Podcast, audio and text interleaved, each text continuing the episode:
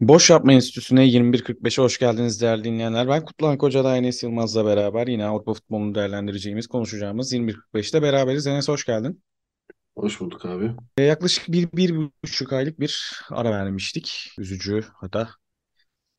Hani sözcükleri çok öyle toparlamaya, şey yapmaya gerek yok. Kahredici demek herhalde doğru olur bir olaydan sonra Kahramanmaraş'ın Pazarcık ilçesinde meydana gelen e, depremin ardından yaşanan olaylar Türkiye'de hayatı bir müddet durdurmuştu ve biz de e, mikrofonları bir müddet kapatmıştık. Hatta kanalda da sadece Kobra Kobra içeriği bir süre devam etmişti. Bu ayın başlamasıyla beraber Süper Lig'in de dönmesiyle beraber biz kendimize birazcık orayı referans aldık. Hem Süper Lig dönsün hem böyle bir Şampiyonlar Ligi dönsün diye. E, orayı referans alıp geri döndük. Nasılsın abi? Yani iyiyim ama ne kadar iyiyiz? Yani ne kadar iyi olabiliyoruz iyisindeyim yani öyle söyleyeyim. Yani sağlığın saatin yerinde. Gerisi Aynen. Allah'a emanet bir vaziyette gerçekten. Aynen öyle.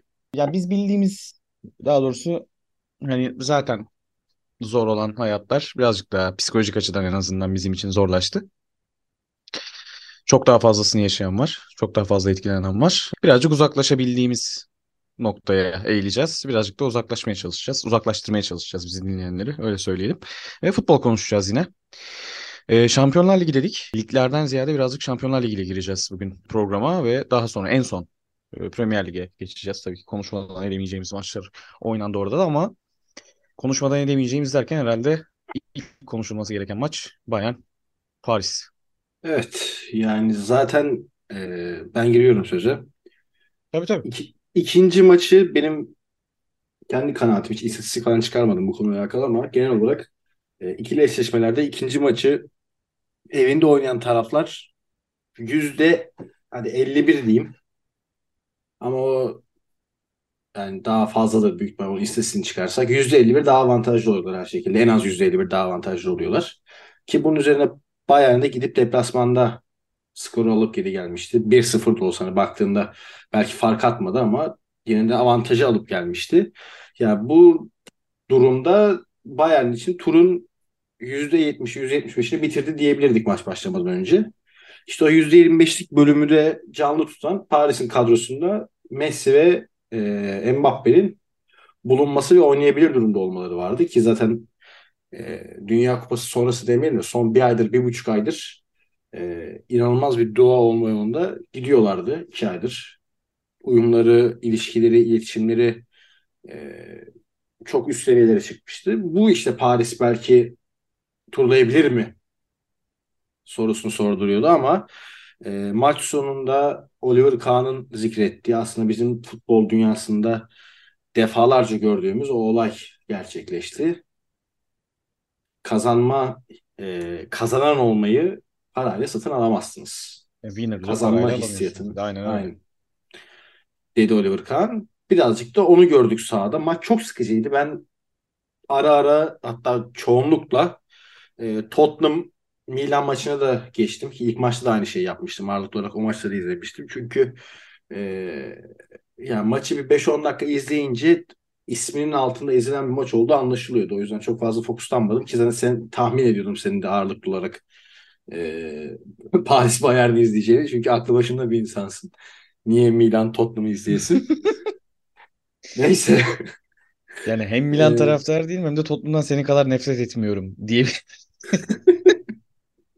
ya Tottenham zaten Tottenham, Tottenham konuşurken de söyleyeceğim de Tottenham artık çok ya, nefret edilmesi gereken bir kulüp değil gibi ya. Yok yanımızda patron yokken lafı sokayım dedim Tottenham'a. Dinlerken nefret eder benden.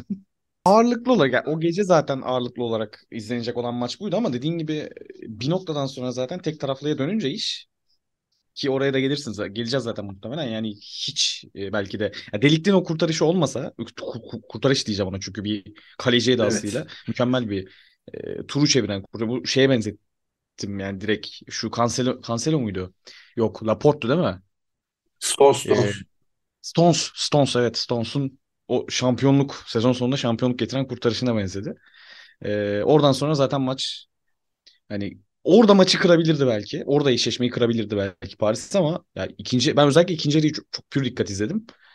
Yani ikinci yarıdan sonra hiç hiç yani hiç ihtimal vermediler. Chouameni'nin golüyle beraber zaten yani çok rahat bir maça evrildi. Paris son belki de yani iki aydır yaşanan sakatlıklarla kadro derinliği, rotasyonu çok törpülenmişti. İşte Kimpembe, Kimpembe'nin Neymar. zaten yani şu şeyi ilk defa hissettiler belki. Marquinhos'un da sakatlanması, Mukiele'nin gidip sakatlanması. işte futbolda böyle şeyler oluyor. Yani bunu hesaplayamıyorsun mesela. İşte Kimpembe'nin sakatlığı yerine Marquinhos gibi bir lider, yanında da Ramos gibi bir süper yıldız. Hala süper yıldız diyebileceğim bir oyuncu var diyorsun ama şu maç içindeki sakatlıkları hesaplayamıyorsun. Bu sporun cilvesi. Sadece futbolda değil yani başka sporlarda da bu var. Her sporda var yani.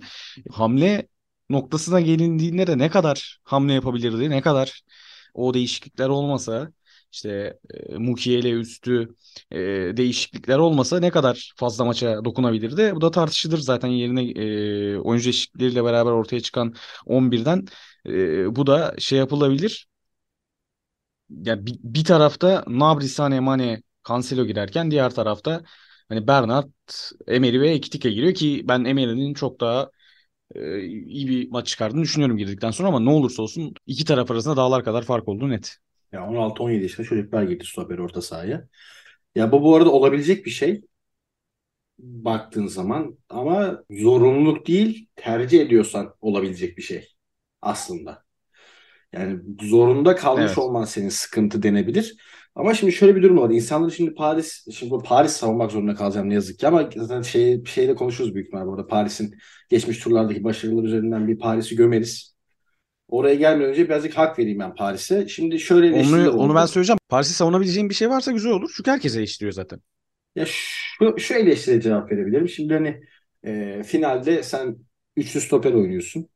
Finalde senin rotasyonuna, kadrona giren adam, stoperin, stopere giren adam 16 yaşında bir çocuk diye eleştiriler var. Hani bu nasıl bir rotasyon diye. Aslına bakarsan bu birazcık e, yanlış bir eleştiri bence. Niye? E, ideal herkesin sağlıklı olduğu kadroda Ramos var. E, Marquinhos var. Kimpembe var. İdeal üçlü bu. Bunların yedeğini bekleyen Mukiele ve Danilo var. Danilo stoper değil ama artık orta sahadan çok stoper oynuyor Paris'e. Paris Saint-Germain artık yani stoper rotasyona çekeli çok oldu. Yeni bir şey değil. O yüzden stoper sayabiliriz. Yani Evet. aslında 5 tane orayı kapatan ki büyük ihtimal benim şu an aklıma gelmeyen bir tane daha vardır diye tahmin ediyorum. 5 tane ilk başta direkt aklımıza gelen rotasyon var. Artık 6.ya kadar düşmüş olmaları yani 3 sakat var stoper rotasyonu demek bu. İşte Kimpembe, Mukiele, Marquinhos. Bu ekstrem bir durum. Bunun üzerinden kadro rotasyonu çok dandik demek yanlış bir eleştiri. Şöyle bir eleştiri de yapılabilir. E, niye üçlü ısrar ettin? Eleştirisi yapılabilir. Ona katılırım. O birazcık doğru. Ee, ama abi işin özü Paris Saint-Germain ben sezon başına arada bir tweet atmıştım. O ilk haftalarda Paris, Neymar, Messi, Mbappe uçup kaçıyordu ya. O zaman demiştim ki yani Galtier şeyin formülünü bulmuş. Bu üçlüyü üzerlerine basmanın, uyum içinde oynatmanın formülünü bulmuş galiba. Tek eksikleri şu anda Şampiyonlar Ligi'ne sınanmak. Ee, Şampiyonlar Ligi'ne sınandıktan sonra anlayacağız demiştim. Ama sezon içinde bu üçlü yine birbirine girdi. Yani şampiyonlar şey Neymar e, Evet, Messi'nin bir gruplaşması zaten vardı. Mbappe'de aşırı yetki var deniyordu. Mbappe'nin yetkisi kısıldı galiba ondan sonra. E, o vaat edilen şeyler geri çekildi. Bir Dünya Kupası finali oynandı. Ya saçma sapan bu üçlü arasında bir türlü şey bitmedi. E, Brezilya dizisi bitmedi. O uyum, o ahenk birazcık bozuldu doğal olarak. Ki Neymar devreden çıktı zaten. Ama abi zor zor bir iş ya. Galti'yi ben genel olarak beğendiğim bir teknik adam ama abi Neymar yokken dengeli oluyoruz diyor. Messi, Mbappe'yi bile tutmak zor. Bu adam bu üçü üzerinden bir kurgu yapmak zorundaydı. Ya Paris'in birazcık e, bakış kafa yapısını değiştirmesi lazım ama umarım değiştirmez. Umarım rezil olmaya devam eder. Büyük ihtimal Messi de ayrılacak zaten sezon sonu. O yüzden hiç yani %99 nefret ediyorum şu anda. %1 Messi kırıntısı var içinde. Sempatikleştiren takımı. İşte o %1 de inşallah sezon sonu gidecek de köklüden nefret edeceğiz. Bunlar da uzun süre bu rezillikleri yaşamaya devam edecek. Benim e, 2015-2016 civarlarında arkadaşlarımla girdiğim büyük bir tartışma vardı. E, büyüklük satın alınamaz. Paris istediği kadar para kazansın. Halen daha işte Milan'ın Şampiyonlar Ligi'ni yani Milan mı Paris'ten daha önce kazanma ihtimali daha yüksek yoksa Paris mi Milan'dan önce kazanma ihtimali daha yüksek derseniz ben Milan'ın daha yüksek olduğunu düşünüyorum diyordum. Ee, halen daha da aynı şeyi düşünüyorum. Umarım bu düşüncemi bozamazlar. Uzun süre Şampiyonlar Ligi'ne rezil olmaya devam ederler. Çünkü pis bir kulüp. Deyip topu sana geri atayım. Sen saha içine daha detaylı girersin. Ya şöyle, e, ya saha içinden ziyade ben birazcık saha dışından bir benzetme yaparak geleceğim. Dün e, şeyi izledim, Orkun Çolakoğlu'nu dinledim. E, Sokrates dinledim yani. Çok güzel bir şey söyledi. Şimdi maç içinde saha içine de dokunarak bir metafor yapacağım. Maç içinde e, ki değişikliklerin ne kadar kalitesinin farklı olduğunu herkes konuşuyordu. Sosyal medyada özellikle. Çünkü e, çok hani troll futbolda falan da çok hani gülünç görseller çıkmıştı ortaya. E, hani tankla tüfekle işte su tabancasının karşılaştırıldığı falan görseller çıkmıştı ortaya ki normaldi yani. Her ne kadar sadece Emery'den e, az önce bahsetmiştim zaten. İyi sonuç verecek dahi olsa yani giren oyuncuların kalite farkı veya şöyle kağıt üstünde baktığında ne kadar oyuna e, etki edebilecekleri hep e, tartışılırdı ki zaten ikinci golde Bayern bunu çok net bir şekilde kanıtladı. Cancelo asist yaptı. Gnabry golü attı ki orada zaten yani çok basit futbolun çok basit bir kuralına gelsin da olsanız çok basit böyle U14 yöneten bir teknik adam da olsanız öndeyseniz topu rakibe daha çok veriyorsanız vermeye başladıysanız maçın ikinci yarısında ve o skor hali hazırda olan skor size yetiyorsa hatta bir gol yediğinizde dahi o, o skor size yetiyorsa yaslanırsınız ve kontra atak kovalarsınız. Kontra atak içinde Mane gibi, Sane gibi, Nabri gibi bu işin hani ehli olan isimler e, dünyada en iyi yapabilecek isimler belki de sahaya atıldığında fark daha da açılmış oldu. Makas daha da açılmış oldu. Hiç ihtimal e, kalmadı neredeyse Paris için. E, ben sana bir soruyla geleceğim tekrar ama önce şunu söyleyeyim. Orkun Çolakoğlu'nun söylediği şey şöyle dikkatimi çekti. Paris gibi bir takım kurduğunuzda yıldız oyun yani yıldız yedek oyuncu almanız zorlaşıyor dedi. O kadar haklı ki. Yani o kadar süper yıldızlarla do- doldurduğunuzda yani işte Ramos, Marquinhos, işte Kimpembe, ön tarafta Messi, Neymar, işte Mbappe hani çok basit bir örnek vereceğim. Birazcık hani gülebilirsin belki, katılmayabilirsin ama hani Icardi Türkiye'ye geldiğinde Türkiye'de yaptıklarına baktığında lan bu adam hakikaten buranın topçusu değilmiş diyoruz değil mi? Veya işte Roma'nın istediği söyleniyor şimdi. Başka İtalyan kulüplerinin çok da başaltı olmayan İtalyan kulüplerinin isteyebileceği söyleniyor. Hani kariyerli oyuncuları getirdiğin zaman rotasyonda sıkıntı yaşadığını da görüyorsun orada. Ee, o yüzden mesela Vitinha gibi bir hamle hani yedekte oturtabileceğin ama yıldız da olabilecek bir oyuncu iyi bir hamle olarak değerlendirilebiliyor. Renato Sanchez iyi bir hamle olarak değerlendirilebiliyor ama bunu her bölgeye verimli şekilde yapamıyorsun. Özellikle hücum ve savunma bölgesini verimli şekilde yapamıyorsun.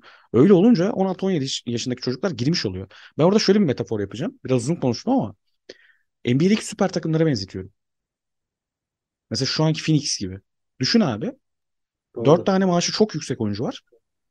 Kadronun geri kalanı değil mi? Ve bir iki tanesi sakatlandığı zaman ki bunu yaşadılar. Yani Marquinhos sakatlandı. Mukiele girdi. Mukiele sakatlandı. Yani anladın değil mi? Ya şey diyorsun işte Hani ya. Anthony şey. Davis, Anthony Davis ile LeBron aynı takımda bulunduğu ilk Lakers dönemi vardı ya. Aynen öyle. Bir yandan da Kavai'nin peşinden koşuyordu Lakers. Aynen öyle. Aynen. Ama işte Kavai'yi alamadılar. Aynen Sonra öyle. Aynen öyle. maaş bütçesi kalmadı. Saçma sapan adamları toplamak zorunda kaldılar. Onun gibi bir şey hakikaten. Katılıyorum. Ha bir şekilde şöyle bir şey söyleyeceğim. O takım bir şekilde şampiyon oldu ama yüzde yüz sağlıklı kaldı o takım. Mesela Bir de- yani onu onu sağlamak zorundasın.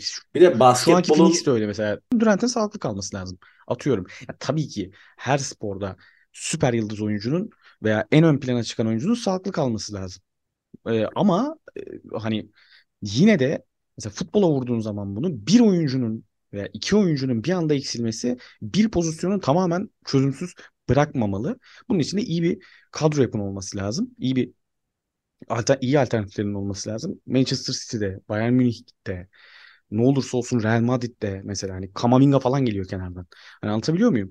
Veya eski Barcelona'da bunlar vardı. Paris bunların arasında anılmak isteyen bir süper kulüp olarak bir süper harcama yapan, çok fazla harcama yapan bir kulüp olarak bunu hiçbir zaman sağlayamadı. Ben sana şuradan geleceğim. Ne olursa olsun ön taraftaki Neymar olmasa da iki yıldız sahadaydı. Messi ve Mbappe. Dünyanın belki de en iyi iki oyuncusu ki birçok futbolcunun, birçok basın mensubunun oynamasında, FIFA yılın futbolcusu oynamasında da bunu gördük. Messi, Mbappe, Messi, Mbappe şeklinde. Abi biraz istersen Bayern'i, istersen Paris göm. Ama bu adamları nasıl durdurdular? Bu adamlar nasıl hiçbir şey yapamadı? Orta sahada bitti maç birazcık. Çünkü Mbappe'ye ya şöyle söyleyeyim topu e, Paris'e bıraktılar. Mbappe'ye açık alan vermediler. Daha hani geride bekleyen taraftı Bayern Münih. Ki doğal olarak bu Mbappe'yi %50 %50 körelten bir durum. Açık alanda topu sürememesi. Öbür taraftan top bir türlü Messi'ye gelmedi ki bu takımın kadrosuna baktığın zaman hani Verratti'ye e, geriden oyun kurarken çıkmaya yardım eden derin oyun kurucu rolünde bir oyun kurucu hani diyebilirsin Verratti için. Onun dışında e, Messi dışında diyebileceğim bir oyun kurucu yok takımda. E, topu özellikle ön alanda bir şekilde Messi'nin ayağına vermek zorundasın. Sağ kanat bekine bakıyorsun şimdi. Şablonu nasıl yaptılar? 3-5-2 oynadılar. Hakimi sağdan bindirecek. Solda Nuno Mendes var. İkisi de aslında baktığında e, defansif özellikleri çok törpülenmiş. Çok hücumcu bekler. Oradan bir dengesizlik oluyor zaten. Bu ikisi gidiyor ön alana. İkisi de baktığımızda şey oyuncular, e, sprinter oyuncular. Top ayağını aldığı zaman Hı-hı. dar alana girdiğinde, küçük cephede girdiğinde sıkıntı yaşayabilecek oyuncular. Mbappe aynı şekilde. E, orta sahadan katkıyı kim veriyor? Fabian Ruiz o katkıyı verebilecek oyuncu değil. Verratti zaten hem fiziksel olarak hem de oyuncu özellikleri olarak daha derinde kalması gereken bir oyuncu. Vitinha var. İşte o ön beşliği kurabilecek. O da yeterince e, tecrübeli oyun, olduğunu düşünmüyorum burası için. Hem ya. hem yani daha çok Dinamo gibi bir adam. Dinamo diyebileceğimiz bir adam yani. Bu seviyede Kimmich ve Goreska'nın rahatlıkla sindirebileceği bir oyuncu diyecek. Evet. Evet. Bir de şey de değil. E, hani topu aldığın zaman iyi bir istasyon olabilecek bir oyuncu değil. Yani topu alıp sana geri verebilir ama topu alıp koşu atan bir adamın önüne güzelce bırakamaz. Yani pas istasyonu, oyun pas e, dağıtan değil yani. Pası alıp sana geri verebilen bir adam. E bu durumda da Messi'ye topu getirtmediğin zaman, Messi'yi tabiri caizse dövdüğün zaman ya da e, kalenin önünden uzaklaştırmaya başladığın zaman otomatik olarak e, Paris'in oyun kurma ihtimali de azalıyor. Ki top da onlarda olduğu için sete oturan taraf da otomatik olarak Paris oluyor. Kitliyorsun yani. Bayern Münih'in kadrosu hem bunu yapabilecek kalitede defans orta sahası hem de hücum hattı. Bunu yaparken kontrol, kontrol üretmeye çok uygun oyunculardan kurulu. E, bu şekilde durduruyorsun Paris'i. Şey, zaten skor avantajı da sende yani. Ki zaten hani ufak bir hatada büyük sonuçlara yol açabiliyor ki o hatalardan çok fazla yaptılar ikinci yarıda. O hatalardan biriyle de ilk gol gelmişti. Ben e, Messi konusunda, Mbappe konusunda, Messi Mbappe konusunda e, özellikle Messi'nin ikinci yarıda son 10 dakikaya girilirken bir iki tane pas hatası var. E, hata değil de yani top Paris'te kalıyor ama hani fark etmişsindir sen de hatırlıyorsundur. E, bir tanesinde abi geriye doğru pas attı. Ve hani defans oyuncusunun yanılmıyorsam Ramos'tu geriye doğru depar atması gerekti o pas almak için. Ki hani Messi'nin bunu bu tarz Vitinha ufak ya, tefek. Vitinha'ya atmış. Vitinha da olabilir. Vitinha da olabilir. Aynen, Korner aynen. Yani geriye doğru depar. Evet, Korner'de evet, evet. başlar. Yani geriye açıldı. Messi'nin ceza alanı dışında olduğu pozisyon. Vitinha tutamadı, defanstan biri aldı topu. Öyle hatırlıyorum. Aynen. Aynen. Ya yani bu tarz pasları hep hani konuşulur ya teknik direktörler verdikleri röportajlarda veya oyuncu gözlemcileri verdikleri röportajlarda aslında bir oyuncunun yerden nasıl pas attığına bakarız. En basit şeye bakarız e, dediği ve bu tarz pasları da dünyada belki de en iyi atan birkaç oyuncudan birinden bahsediyoruz. Ee, işte De Bruyne'ler ne bileyim oynarken Xavi Iniesta'ların attığı paslardan bahsediyoruz. Oyunun ritmini hızlandıran veya oyunun ritmini hiçbir şekilde bozmayan paslar basit görünen o tarz birkaç tane yerde ya takım arkadaşının ayağına atamadı ya arkasına attı ya gerisine attığını gördüğüm e, anlar oldu. Hani e, koptuğu çok netti. E, Bayern'in en büyük başarısıydı belki de. Oyundan kopardı Messi'yi. Ritim buldurmadı. Mbappe zaten topla buluşamadı neredeyse. Çok çizgiye basarak aldığı bir iki top vardı. Onları da değerlendiremedi diyelim ve senin mutlu olduğun tarafa doğru geçelim. Hani Paris'in yenilmesi de seni mutlu ediyor ama en çok Milan'ın kazanması mutlu ediyor diye düşünüyorum. Tabii. E, maçtan önce e, Milan Kurosut Kuzey Londra sokaklarında güzel bir Marşlar söyleyerek tura çıkmışlar. Zaten maç sonundaki fotoğrafları da görmüşsündür. Ee, kulüp ve taraftarın Hı hı. bir araya geldiği anları. Ee, malum işte en son 2010'ların başında 11 yıl önce 12 yıl önce buraları oynadı işte Milan. Uzun bir fetret devrinin ardından ya oyuncularda da bu arada o şey rahatlamayı, mutluluğu gördük maç sonunda. Finale çıkmış gibi sevindiler. Halbuki çeyrek finale çıktı Milan. İyi bir enerjiyle oynadılar maçta. Yani güzel güzel bir maçtı aslında. Her ne kadar skor olmasa da Bayern'in Paris'e yaptığını Milan birazcık Tottenham'a yaptı. Bu yeni Pioli'nin biliyorsun Ocak ayında bir darmadağın oldu Milan. Neredeyse maç kazandı. 5-6 maç üstte kaybetti. Pioli oradan çıkışı Hı hı. takımı üçlüye çekerek yaptı ki ben yıllardır da Milan'ın iyi bir üçlü takım olacağını düşünüyorum. Theo Hernandez'in varlığı, Kesi varken özellikle orta sahada iki tane çok iyi direnç noktası oluyor. Direnç noktası var. Kesi, Tonali. İyi bir hani elit demeyeyim de iyi bir oyun kurucu, derin oyun kurucu var Ben Nasser. İşte ön alanda Leo, Brahim şu an Ketelerde şu an çok formsuz ama büyük ihtimal seneye o da iyi olacak. Ketelerde ve önlerinde Ciro aslında hani iyi bir yapı kuruluyordu. Kağıt üzerinde düştü, e, dizdiğin zaman takımı. Ona çevirdi. Şansa Tiaf geçen sezon demeyeyim ondan önceki sezon Kalulu ne yaptıysa geçen sezonda olabilir. Tiav aynısını yaptı. Son bir ayda. inanılmaz performans gösteriyor. Yani Maldini'nin transfer sagasına son zinciri, o zincire son e, metal yuvarlağı ekledi öyle söyleyeyim. Tiav'ın son bir ayı. İşte derinde bekleyen, Tottenham'a arkada alan vermeyen ve hızlı bir şekilde kontraya çıkmayı planlayan bir takım vardı Milan'da. Öyle çıkmışlar maça. E, takımın en önünde oynamasını beklenen, beklediğin adam normalde Ciro olur. Ciro derinde bekliyordu. Lao en öndeydi. Plan şuydu işte derinde bekleyelim. Topu kapalım. Teo koçsun. Sağda Mesias vardı sakatlandı hemen Salamakers girdi ki bu daha avantaj Milan için baktığımda. Daha uygun o kanat beki rolüne. Hı hı. İşte kenarlardan Salamaker, Teo koşu atsın. E, Brahim Lao en önde koşu atsın. Topu aldığımız gibi uzun Ciro'ya vuralım. Ciro indirsin. Hemen ön alandaki oyunculara servis etsin. Hızlı kontrol alındı. Çok sağlam duruldu maç boyunca 90 dakika boyunca geride. Ki zaten Tottenham'ın da bir geçiş takımı olduğunu biliyoruz yani nasıl yıllardır bunun üzerinden kimliğini oturtan bir takım. E, dar alan olduğu zaman onlarda da işler yolunda gitmiyor ki, zaten şu anki Tottenham'ın en büyük problemi sette hiç varlık gösteremeyen oyuncular tarafından kurulu olması. Bir işte Kane ve Kulusevski ikilisi nispeten uygun o role. Onları da kilitlediğiniz zaman bütün takım çöküyor. O klasik sorunlar yaşandı Tottenham'da da. Hiç zorlanmadan aslında son 15-20 dakikada da Milan çok net at pozisyonlar kaçırdı kontradan. İşte Origin'in zaten bir direkten topu var. Onun dışında e, kaleye u- ulaşmayan bir şekilde bloklanan çok kontra pozisyonlar yenildi. Yani Milan aslında maçı 0-0 bitirmek Milan'ın oyunu haksızlık oldu diyebiliriz. Milan bir şekilde hani skorda bulup eleyebilir Tottenham'ı. Öyle söyleyeyim. Ya yani planı tuttu Milan. Ee, Milan galibiyetle çıktı. Basit bir şeyle, amatörlükle neredeyse gol yiyordu bu arada. Basit bir yerde yapılan faul.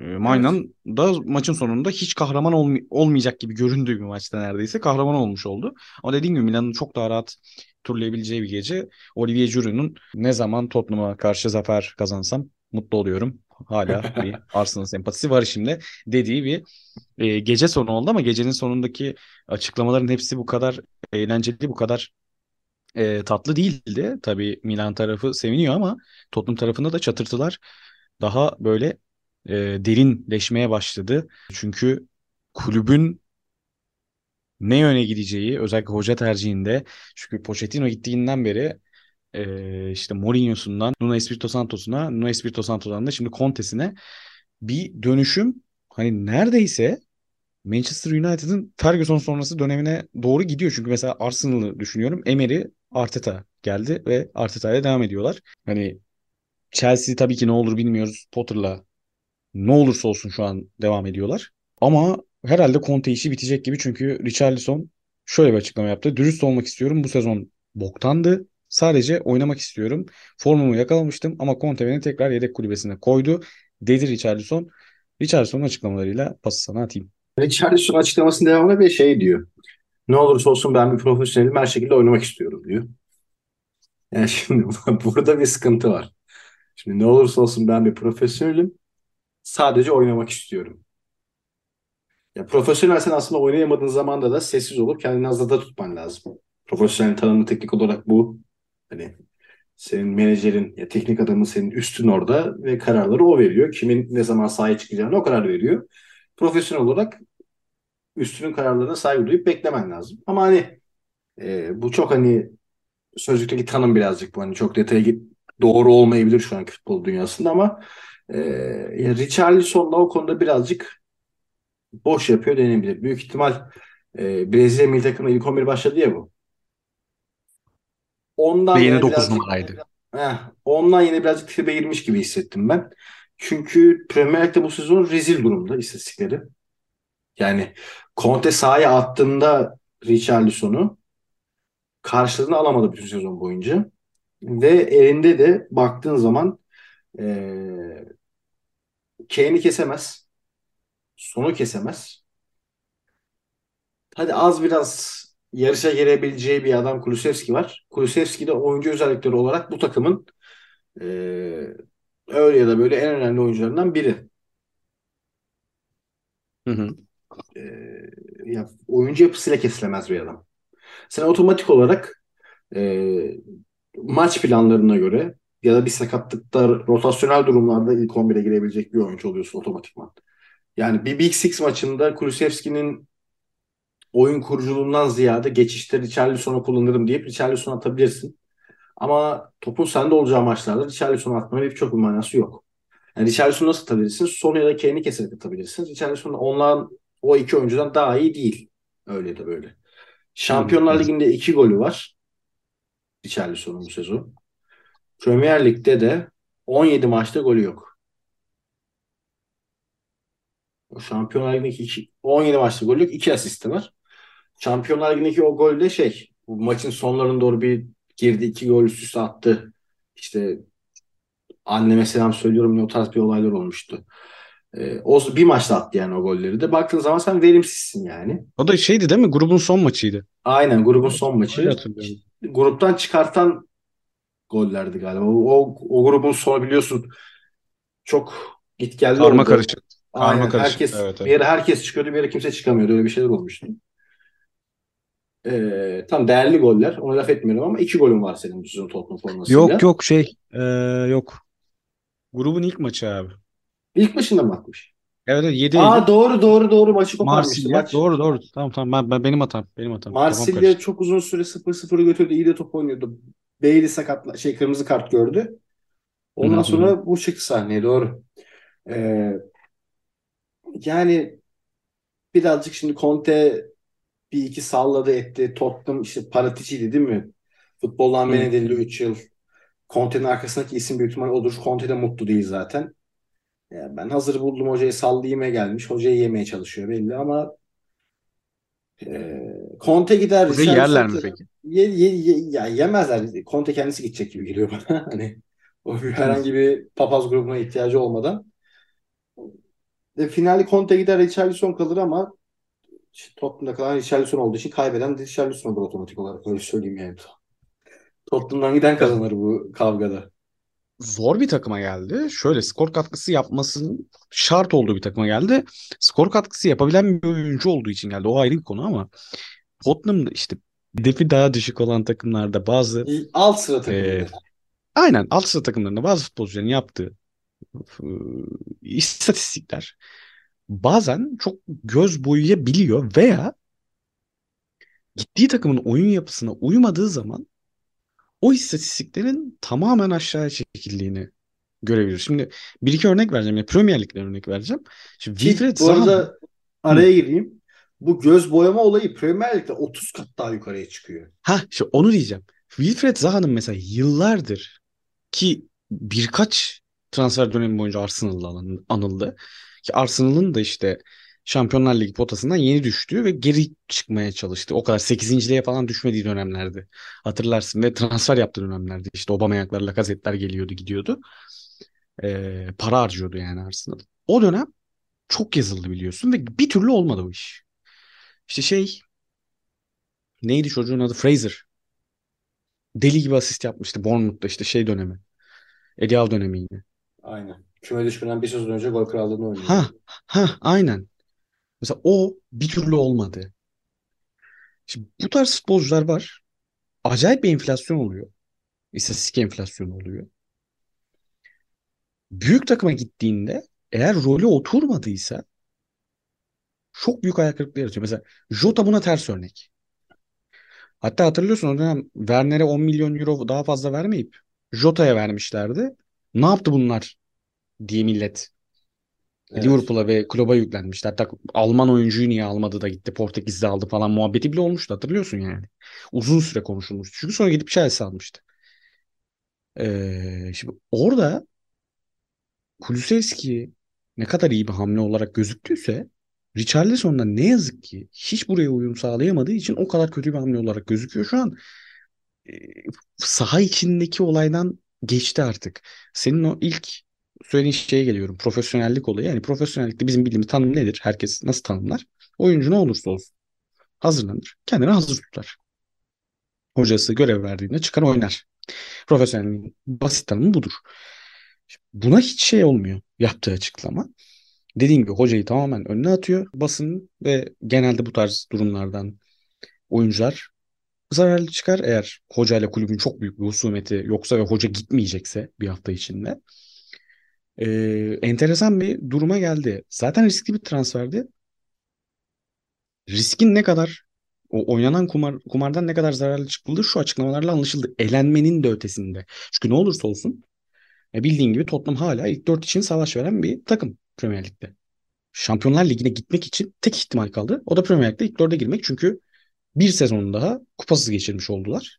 Elenerek zaten kazanma ihtimallerinin az olduğu bir kupaydı bu. Ama üstüne bu açıklamalar e, hani gerçekten e, enteresan bir noktaya gidiyor. Hem Tottenham'ın durumu, ligdeki düşüş hem de Richardson'un Tottenham kariyeri enteresan bir noktaya doğru gidiyor. Daha çok konuşuruz. Daha çok e, köprünün altından, e, samanın altından su akar. E, Su yürütülür. Heh. Milan'la alakalı bak şeye ekleyeyim. Tottenham'da çok konuştuk. Bir Milan atayım ben araya. Klasik oyundur biliyorsun. Abi belki skor bulamadı bu maç. Hatta çok çoğu pozisyonda o harcadı o dediğim pozisyonları ama Leao'nun açık alanda nasıl bir canavar olduğunu görmek isteyenler. Evet. Yani Leao niye bu kadar hype'lı? Milan maçı şey Tottenham maçının son 15-20 dakikasına baksın. Abi bu kadar sıfırdan yüze çabuk çıkan ve güçlü, kalın çok oyuncu yok dünyada ya. İnanılmaz rahat adam geçiyor açık alanda. Romero Momero dayanamazdı zaten 90'da. Romero Teo'ya faul yaptı kırmızı gördü ama ya illallah ettirdi şeye Tottenham savunmasına. Bunu da atayım Milan'la alakalı son olarak. İstiyorsan konuşmamıza devam edelim. E, devam edelim. Güzel belirttin. Da bir iki senesi var. Hani o büyük oyuncu, işi bitiren büyük oyuncu noktasına gelmesine herhalde bir iki senesi daha var. E, diyelim ve konuşacağımız son eşleşmeye geçelim. Benfica eşleşmesine çok dokunmayacağız. Çünkü hani Scott Parker'ın bir yerden daha kovulmasına Evet yani vesile olan eş, eşleşme kulüp olarak kayıtlı. kulüp kulüp Brüj yönetimi birazcık siz gerizekalı mısınız diyebiliriz. Şampiyonlar Ligi grubundan siz lider çıkan çocuğu kovup Scott Parker'ı niye takım başına getiriyorsunuz? Siz manyak Ee, mısınız? Roger, Roger Schmidt için de e, hani Portekiz Ligi'ni kapattılar gibi bir durum var neredeyse. Bir şanslı kuraya daha bir tarih yazma ihtimali doğabilir Benfica için. Öyle bir Ya hype'la. bu arada ya şanslı kura da lazım olmayabilir. Ya şanslı kura derken bu arada şey Chelsea'dir, Milan'dır elenilmeyecek şeyler. Ya şu an dört takım belli mesela. Hani Bayern gelmesin. Gelecek haftadan da muhtemelen City Miti gelmesin. Kalan takımları eleyebilir. Hiç şey değil yani. Ya geçen yılki geçen yılki Villarreal'i hatırla. iki yıl önceki mi? İki yıl Tabii önceki. Villarreal'i hatırla. Tabii. Bayern Doğru, Bayern de yiyebiliyor bu takımda ikili eşleşmede. Ya Benfica Doğru. Doğru çok öyle bir takım. Ya ikili Yok sadece kağıt, korkutamayacağı takım yok bence. kağıt, üst, kağıt üstü için diyorum sadece. Dediğim gibi çok inanılmaz bir hype'la geliyorlar. Diğer taraflardan gelen takımların da dediğim gibi sorunları düşünüldüğünde ki herhalde en sorunlu takımlardan biri olacak ilk 8'de Chelsea. İstersen oraya da geçelim. Bir şekilde elediler Dortmund'u ama yani ışık var mı? Sana sorayım. Çok yok öyle söyleyeyim. Yani artık e, hoca için Hayat Memat'ın sondaki T, T'ydi bu maç. Hayat Memat'ı yedi. O sondaki T'yi kurtarmaya çalışıyordu. Hazırlık yapılmış belli. İç saha maçı zaten dediğim gibi ikinci maçı iç sahada oynayan takım her zaman e, avantajlıdır argümanımı destekleyen maçlardan biri oldu.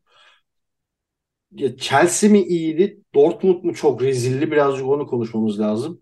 İkinci yarı penaltı golünden sonra özellikle top full Dortmund'un ayağındaydı. Ve yani izlerken fenalık geçirdim artık yani.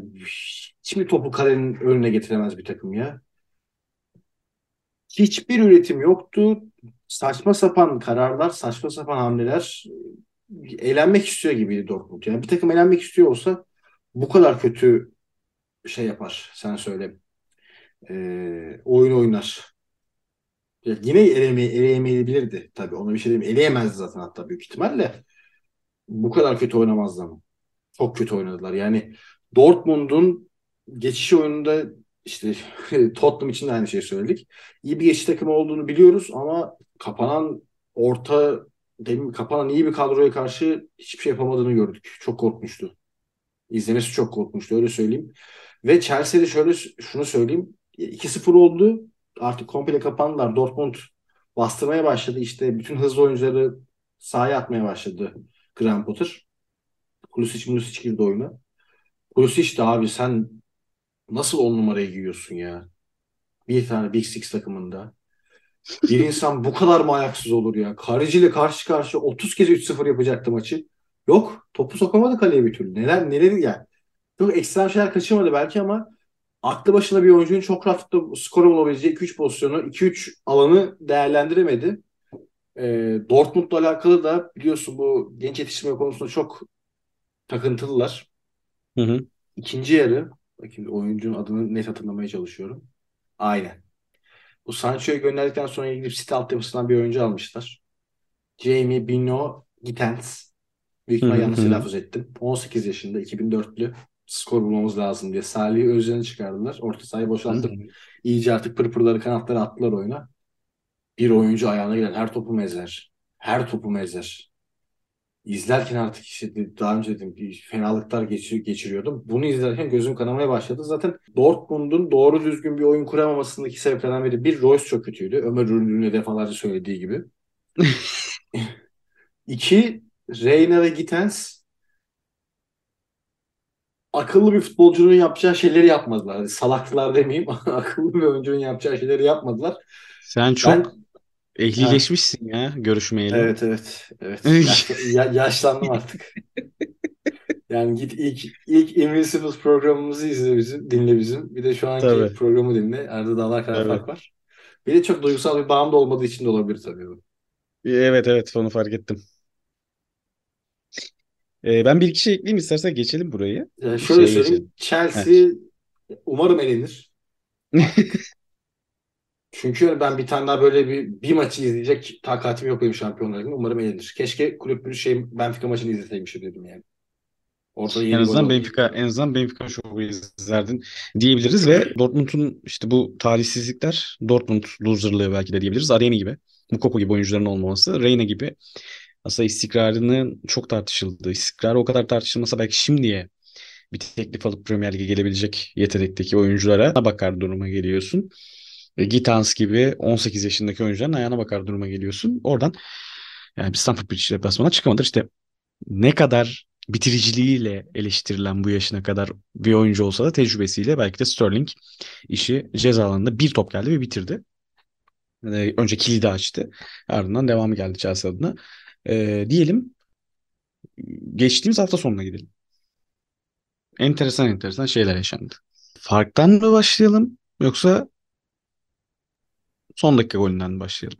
Farktan başlayalım. Son, ya, yüksek bitirelim programı. Son dakika golüyle kapatırız. Biz farktan başlamayınca yüksek bitirmeyeceğiz mi? 7-0 yüksek değil mi yeterince? Yani bizim yani Nelson'un golü bizim için daha yüksek bir nokta öyle söyleyeyim. Peki. 7-0. Peki. Liverpool United 7-0 yenmiş. Senin benim için çok şey ifade etmiyor. Peki. Peki söz sende. bir takım bu kadar mı bahtsız olur ya? İnanılmaz. Ya 2-0'dan sonra her atak gol oldu ya. Her atak. Yani gidiyordu atıyorlardı geri santra dönüyordu. Bir iki United top çeviriyordu. Liverpool topu alıyordu gidiyordu. Atmak istiyoruz diyorlardı. Atıyorlardı. Bir de aynı şey oluyordu. Böyle bir darmadağın olma olamaz. Öyle söyleyeyim. Bunu biz genelde Soton'dan alışkınız. Saçma bir dağılmaları Premier Lig'de. United yaşadı bunu ve aslında ilk yarıda iyi oynadılar. Kötü oynamadılar yani. İşte Anfield atmosferi. Liverpool bir anda vitesi 5-6'ya çıkardı. United'da dağıldı. Dağılmak zorunda kaldı hatta öyle söyleyeyim. Garip bir maçtı. Şimdilik bunları söyleyeyim topu sana geri. Valla ben şöyle ben maçı izlemiyordum o sırada. Dışarıdaydım diye hatırlıyorum. Sen bir mesaj attın. Ben durumun vehametini öyle anladım. Ya şimdi burada kimse sinirlenmesin, alınmasın. Birazcık bunu söylerken de korkuyorum ama yine 8 olmadı. Mesajını gördüm. Ulan dedim ne olmuş olabilir? Son baktığımda 3-0'dı çünkü. Ne olmuş olabilir anasını satayım dedim. 6-0'da abi. Ve hani şeyleri hatırlıyoruz ya işte Manchester City maçı 6-0 biten işte e, bizim başımıza gelen 8-2 Arsenal maçı falan. Hani dedim herhalde tarihi bir çözülme yaşanıyor. O sürede az kalmış falan. Abi maçı izleyince o kadar net anladım ki o sürenin az kalması ne kadar işine gelmiş United'ın. Ya maç devam etse çünkü ya bazı maçlar oluyor öyle işte şeyde de hani basketbolda da işte ne bileyim voleybolda falan filan hani bu da her sporda olan bir şey. Abi ritim öyle bir ritim yakaladı ki herifler yani çarpa çarpa gol at, çarptıra çarptıra gol atmaya başladılar bir noktadan sonra. Firmino'nun golünü Firmino'ya yazmak zorundasın mesela ama Firmino'ya yazmazsın yani o gol. Ya bir gol. ya bak bir şey söyleyeyim mi? 6-0'da durdular aslında. Tamam mı? Bitti maç herkes için. Oyuna Firmino girdi. Firmino açıkladı ya ayrılacağını. Ulan dediler biter de Firmino'yu attıralım. Öyle attılar yani anladın mı 7. golü? Bak ciddi söylüyorum 3-0'dan sonra bak 3-0'a kadar top normal bir şekilde oynuyordu maçta. Liverpool 3'ü attı. Ondan sonra biz başka bir şey izlemeye başladık. O 3-0'dan sonra yani 3-0 o dağılma ilk yarının sonlarında ya da 50. 55. dakikada falan olsaydı eğer Geçmiş 60, olsun. 60 civarı oldu. 60'tan sonra oldu diye hatırlıyorum. Anfield'da o gaza gelme, maçın şey olması sen söyle Liverpool United olması yani keşke 8 atsalardı delirtebilirdi yani. Öyle söyleyeyim. İnanılmazdı. Hakikaten ama bazı maçlar Evet. var. Hani Pardon bak 50'de 3-0 olmuş. 66'da 4-0. O zaman 4-0'dan Aynen. sonra dağılmış United. Öyle söyleyeyim. yani Golleri- bazı o, kadar, o, o kadar çok gol oldu ki golleri karıştırmış. ya şeyler oluyor işte bazı basın toplantılarında veya flash röportajlarda teknik direktörler şey diyor hani 1-0 bitmiş maçı ya 5 de olabilirdi 1-0 kazanabildik falan diyor yani bir bırak git şuradan diyorsun. Mesela Klopp 11-12-0 kazanırdık dese ki dedim bilmiyorum demiş olabilir. Şu haklı. 11-12-0 kazanabilirdi. Be- 10 dakika daha olsa bir 10 10-0 falan olabilirdi o maç. Ya İnanılmaz bir çözülme. bak Halil, şimdi bazı bazı bu tarz mağlubiyetler gerekebiliyor takımlara. Özellikle United gibi Yok. mesela. United, yok yok bu, bu gerekli. Yani dur, bunu gerekiyor dur, falan dur. diyemeyiz buna. dur dur dur. Liverpool mağlubiyeti gerekebiliyor. Hani 2-0 bitti atıyorum. 3-0 bitti atıyorum. 4-0 bitti. 5'ten sonrası çok yaralar da. Yani bu tarz böyle güçlü rakibine veya ezeli rakibine karşı yenildiğin maçlar belli işte hedef sezonlarda eksiğini görmen açısından, ileriye adım atmak açısından seni ileri taşıyabilen maçlar olabiliyor. Ama ya şimdi Weghorst muydu? Kimdi geçen hafta şeyden sonra e, Lig Cup zaferinden sonra şey demişti ya Lisandro Martinez olabilir. Bizim 3 kupa hedefimiz var. E, lige de konsantreyiz. Gary Neville'dan alıyorlar herhalde bu gazı. Hani City'yi geçtin Arsenal kaldı bir de. Lige odaklanıyoruz, onu yapıyoruz, bunu yapıyoruz. Bu o açıdan da işte hani dur abi. Daha yolun başındasın. Hani bir buçuk iki sene bir geçsin. Hocanla bir çalış. Hocanla bir oyna. Bir iki transfer dönemi daha gör. Hani bu ligde altta görünen ama senden daha iyi takımlar var. 7 tane yediler. o takımlardan birinden. Onun mesajı olabilecek bir maç. Çünkü Liverpool'un da son bir aydır 5 galibiyet oldu üst üste. Gol yemiyorlar Premier Lig'de. Bir reaksiyon süreci geçirdiği ortada. Her ne kadar Real Madrid'den tokat yemiş olsalar da. En azından Premier Lig için bir yeniden dirilme dönemi var. Ama yani hakikaten dediğim mesela 3-0 3-0, 3-1 ya da 4-1, 4-0 falan bitse maç güzel bir mesajı alıp çıkar, çıkabilirsin oradan yürüyebilirsin. Ee, az önce biten maçta Betis'i yendiler. Ee, Aynı neyse ki kadroyla hani çıktılar. aynı kadroya çıktılar. Hani neyse ki bir reaksiyon verdiler ki yani hakikaten o 7-0'ın psikolojisini idare edebildiğin zaman, idare edebilirsen sadece dalga geçilen takım olarak devam edersin yoluna. İyi bir mesaj alıp çıkabilirsin buradan. Ama yani hani dua etsinler hakikaten bir 10 dakika daha yokmuş. Çünkü öyle bir dağılma yok. Bu Ya arada dağılma derken şeyi de fark ettiler bence. Bu çok fazla konuşuldu. Mesela Arsenal forumlarında çok konuşuldu. Onu sorayım sana. Bruno Fernandes'in çıldırma hani sinir krizi anı. bak onu söyleyecektim. Ya bir dünya üzerindeki en itici bulduğum futbolcu olabilir yani. Nefret et, nefretlik E, o, o- onunla ilgili biraz konuşalım kapatalım sonra konuyu da. Ya gidiyor salak salak fauller yapıyor. Tamam bak şey reaksiyon verirsin ona bir şey demiyorum. Gidiyor salak salak fauller yapıyor. Hocalarla ya hoca hakemle saçma sapan didişiyor, dadaşıyor. Ondan sonra gitti Bayetik bir çalımladı bunu. Çalımdan sonra beni oyundan çıkar diye kenara işaret yapıyor. Çok itici bir oyuncu ya. Hal tavırlar hakikaten çok itici bir oyuncu. Ee, dünya üzerinde benim şu an en antipatik bulduğum isim olabilir. Ee, umarım uzun vadede United'da olmaz. Böyle söyleyeyim. Uzun vadede United'da olsa bile o kaptanlık pası bandı e, en kötü ihtimalle Rashford'un koluna takılır diye Evet yani Rashford'ın yıllardır bağıra bağıra hem Evet. karakteriyle hem oyunuyla karakter yani şey demiyoruz hani bu iyi çocuktur manasında değil. Yani Rashford'un saha dışı karakteri de iyi çocuk Yani aslında. o- onu diyeceğim işte kulüp için, taraftar için, İngiltere halkı için ifade ettiği şeyler çok fazla bu adamın. Evet. Hani şey demiyorum hani bizim Türkiye'deki işte bilmem kim de iyi çocuktur aslında diyorsun adam aslında pistin teki çıkıyor. Hani anladın mı? O manada demiyorum. Merme. İsim vermedim. Ee, işte Rashford öyle bir adam değil yani hakikaten. Aynen aynen. Düz düz iyi adam. Evet. Düz iyi adam. Kaptanlığı iki şey tahminimce soyunma odasında bu kadroda en iyi toparlayabilecek isim ya Casemiro olabilir. Rashford hı. olabilir. Ve bu adamlara ver kaptanlığı artık yani. Saçma sapan heriflerde gezmesin. Şanlı United kaptanlığı. Bir de şey diyeceğim abi. Bu maçı kapatırken de şeyi söyleyeyim sana. Ee, fo- çıkan fotoğrafları gördün mü abi? Maçtan Hangilerini çıkan abi? fotoğraflarını. Bir Ha. Sa- Salah'a taç yapıyor Arnold. Kafasına taç koyuyor. Malum gol rekorunu kırdı. Aynen. Bir de United'ın yıkılmış bir fotoğrafı var böyle. De Gea kaleye bakıyor. Ee, şimdi Lisandro muydu? Bir yerde kalenin içinde yatıyor. Arkada Bir sezon başında şeyde yaşadılar. Bre- Brentford deplasmanında yaşadıkları bir an vardı benzerini. Ve orada Ronaldo da vardı kadrajda. Bir de burada. Bir şeyden çekmişler ama. Kalenin içinden çekilmiş. Fileler mileler Hmm. var. Kale çizgisi var.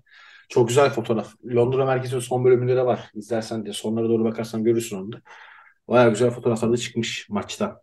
Deyip e, fotoğraf gibi bir gol atan, fotoğraf çeker gibi topa vuran Reece Nelson'ımızdan bir bahsedelim be. Sonra da Ki kapatalım. zaten o fotoğraf daha doğrusu golün sonrasındaki bir iki saniye sonrasındaki fotoğraf her yerde e, afiş oldu. E, Saliba korner direğine koşuyor. Partiyonun arkasından koşuyor. Zinchenko kendini yer yerden yere atıyor. Martinelli fileden topu çıkartıp vuruyor.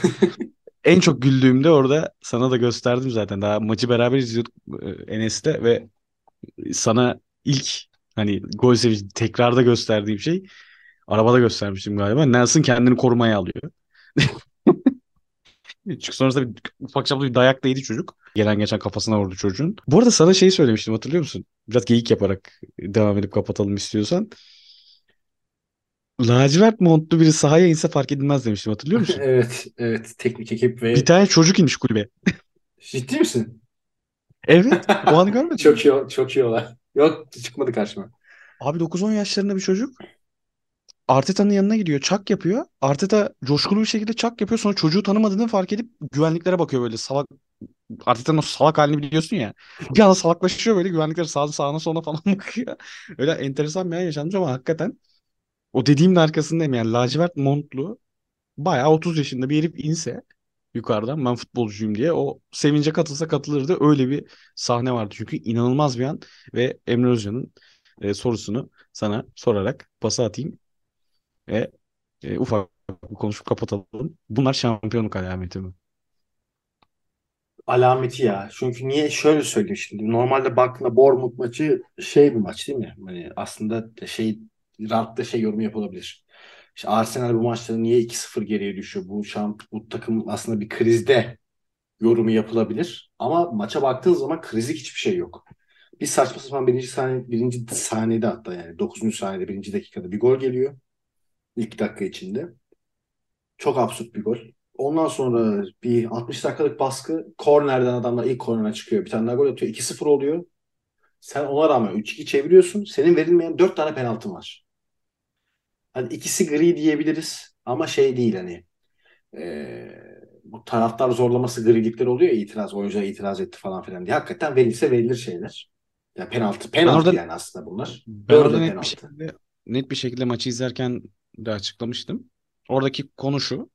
Bu görüşümü herhangi bir hakemle konuşsam herhalde o da hak verir diye düşünüyorum. Orta hakem penaltıyı verse dördüne de Vardan var dönmez. çağırıp var çağırıp gel şunu iptal et demez. Evet. Yani aslında baktığın işte zaman dördün, dördüne de vermeme kararı verdiği için var çağırıp gel bunu ver de diyemedi. evet skandal bence bu arada. Tabii Skandal canım. yani. Çünkü Özellikle dört tane sonuncu. Ben ben sonuncudayım hala. e, sonuncu Tomiyasu, Gabriel'in Tabii tabii. kafası işte yani Gabriel yok. baktığında. Son- sonuncu Gabriel'in Ya bir kafası tek bir tek şey sıkıntı. Hani olmayabilir dersin. O formaya koluna çarpan var ya yükselip. Hı hı hı Hani forma hizası muhabbetinden dolayı veremeyebilir onu. Hı Ama hı. onun dışındakilerin hepsi penaltı gibi geliyor bana. Hı Yani hı. şimdi Bournemouth'a nasıl 2-0 geriye düşersin, bu nasıl şampiyonluk, şampiyon oynayan takım denilebilir. Ama oyun olarak hiçbir zaman düşmediler. Baktığın zaman 7 gol oluyor. 3 atılan gol, 4 tane verilmeyen penaltı. 7 gollük performans sergilenmiş. Ya bir şampiyonluk 78 alameti miydi? Rakip cezalarının içinde toplu oluşumu. 77 idi. Biz en son 77. 77'ye 7 idi. O daha da artmıştır. Yani maç içinde verilen bir istatistikti o. Ha, aynen onu 80'leri soruyorum. 85'leri görmüş görmüştür. Hı hı. Ki Nelson'ın golü de ona dahil. Nelson dışarıdan vurdu. Ceza sahası Çizgiden vurmadı mı ya? Dışından vurdu. Hemen Peki öyle olsun. hemen dışından vurdu. Ee, işte bu sezon Arsenal şampiyon olur mu? Olabilir. Fikstür Şampiyonlar Ligi maçları City'nin ya da işte Liverpool'un, Chelsea'nin Şampiyonlar Ligi fikstürü çok etkileyecek bu serüveni. Ligin sonunda çünkü öyle bir iki takım içinde bir birikmişlik var. Ya da Big Six şey ilk dört yarışı çok etkileyecek. Newcastle'ın o zamanki durumları, durumları falan. Ama öyle ya da böyle bu sezon kendi içinde bir kahraman yarattı. Arsenal adına. Hı hı. Ee, Nottingham Fatih'i, Bournemouth Fatih'i, Reiss Nelson. Çok hep abi ya.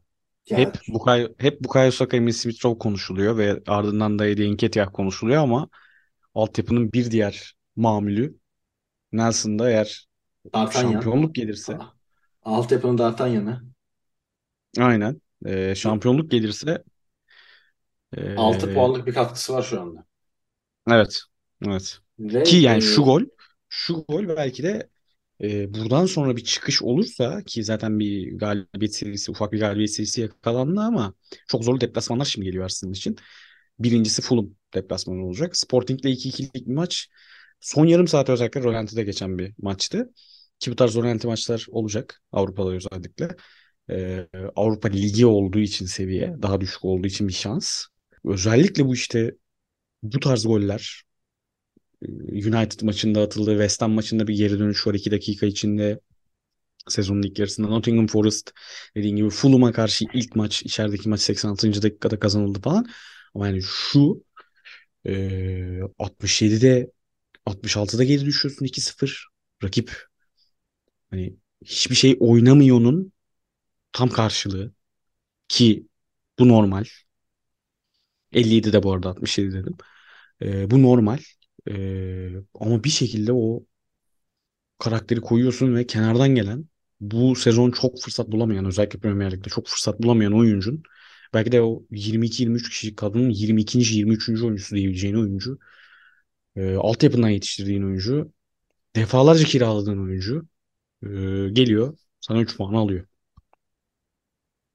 ve bu arada şey golden bağımsız girdikten sonra inanılmaz oynadı. Evet. Yani ayağı hiç titremedi adam. Asist de yaptı. Tabii Ben White'ın golde asist de olmuş. Asisti de en yaptı. Onu söylemek lazım. Ee, ya ilginç, ilginç diyebileceğimiz bir 90 dakikaydı tamamen ve biz de şansımızda be, be, hadi senin bir mağlubiyet görmüşlüğün var. Evet. E, mekanı izlediğimiz mekanda. Benim gittiğim bütün maçlar inanılmaz maçlar oluyor şansıma. Evet. E, yenisini daha ekledik. 3'te 3 gidiyorum şu anda. Aston Villa maçı. Jorginho'nun son dakika attığı gol. Bu maç bir de iç saha United'ı 3-2 yendi. Arsenal 3-2 yendiği maç. Hı hı. E, bakalım bu seriyi ben de ne kadar devam ettireceğim merak ediyorum. Valla bu seriyi daha ne kadar götürebileceğiz. bu hafta sonu ayrıyız mecbur. Ben bayağı uzakta Evet. olduğum için. Evet. Bir kritik maçta da orada buluşuruz gibi geliyor bana. Bir, bir En az- maçımız en- var ya. Var var canım. Yok zaten hani bir iki kritik maçta daha buluşuruz. Yine tutarsa sezon sonuna kadar oradayız. Yok o zaman bozulur oğlum illaki. Öyle çok zorlamamak lazım. Abi City deplasmanı garanti oradayız. Seni seni bırakmam. Siz deplasmana kaybedeceğiz oğlum. Her şekilde kaybedeceğiz. Bu- bu- her şeyi denemek lazım. Liverpool deplasmanı asıl gitmemiz gereken. Abi işte dört tane deplasman var. Fulham, Liverpool, Newcastle, City. İkisini seç. Newcastle'la büyük o, o zamana kadar çok zorlu bir rakip olmayabilir. Avlu atmaya doğru gidiyorlar onlar. Yarıştan koparlarsa çok sıkıntı olacağını sanmıyorum. ben. Yine güzel bir programın sonunda çok güzel saldın oraya. Beni mutlu eder. Ee, diyelim ve ekleyeceğim bir şey yoksa abi gidelim yavaştan. Tabii. Efendim bizim dinlediğiniz için teşekkür ederiz. Ben Kutluhan Koca da Enes Yılmaz'la beraber yine 21.45'te futbol konuştuk. Avrupa futbolunu konuştuk. Artık bundan yaklaşık bir, bir buçuk ay önceki gibi düzenli olarak haftada bir veya en kötü ihtimalle iki haftada bir Boş Yapma Enstitüsü'nde sizlerle beraber olmaya çalışacağız. İyi akşamlar veya iyi günler.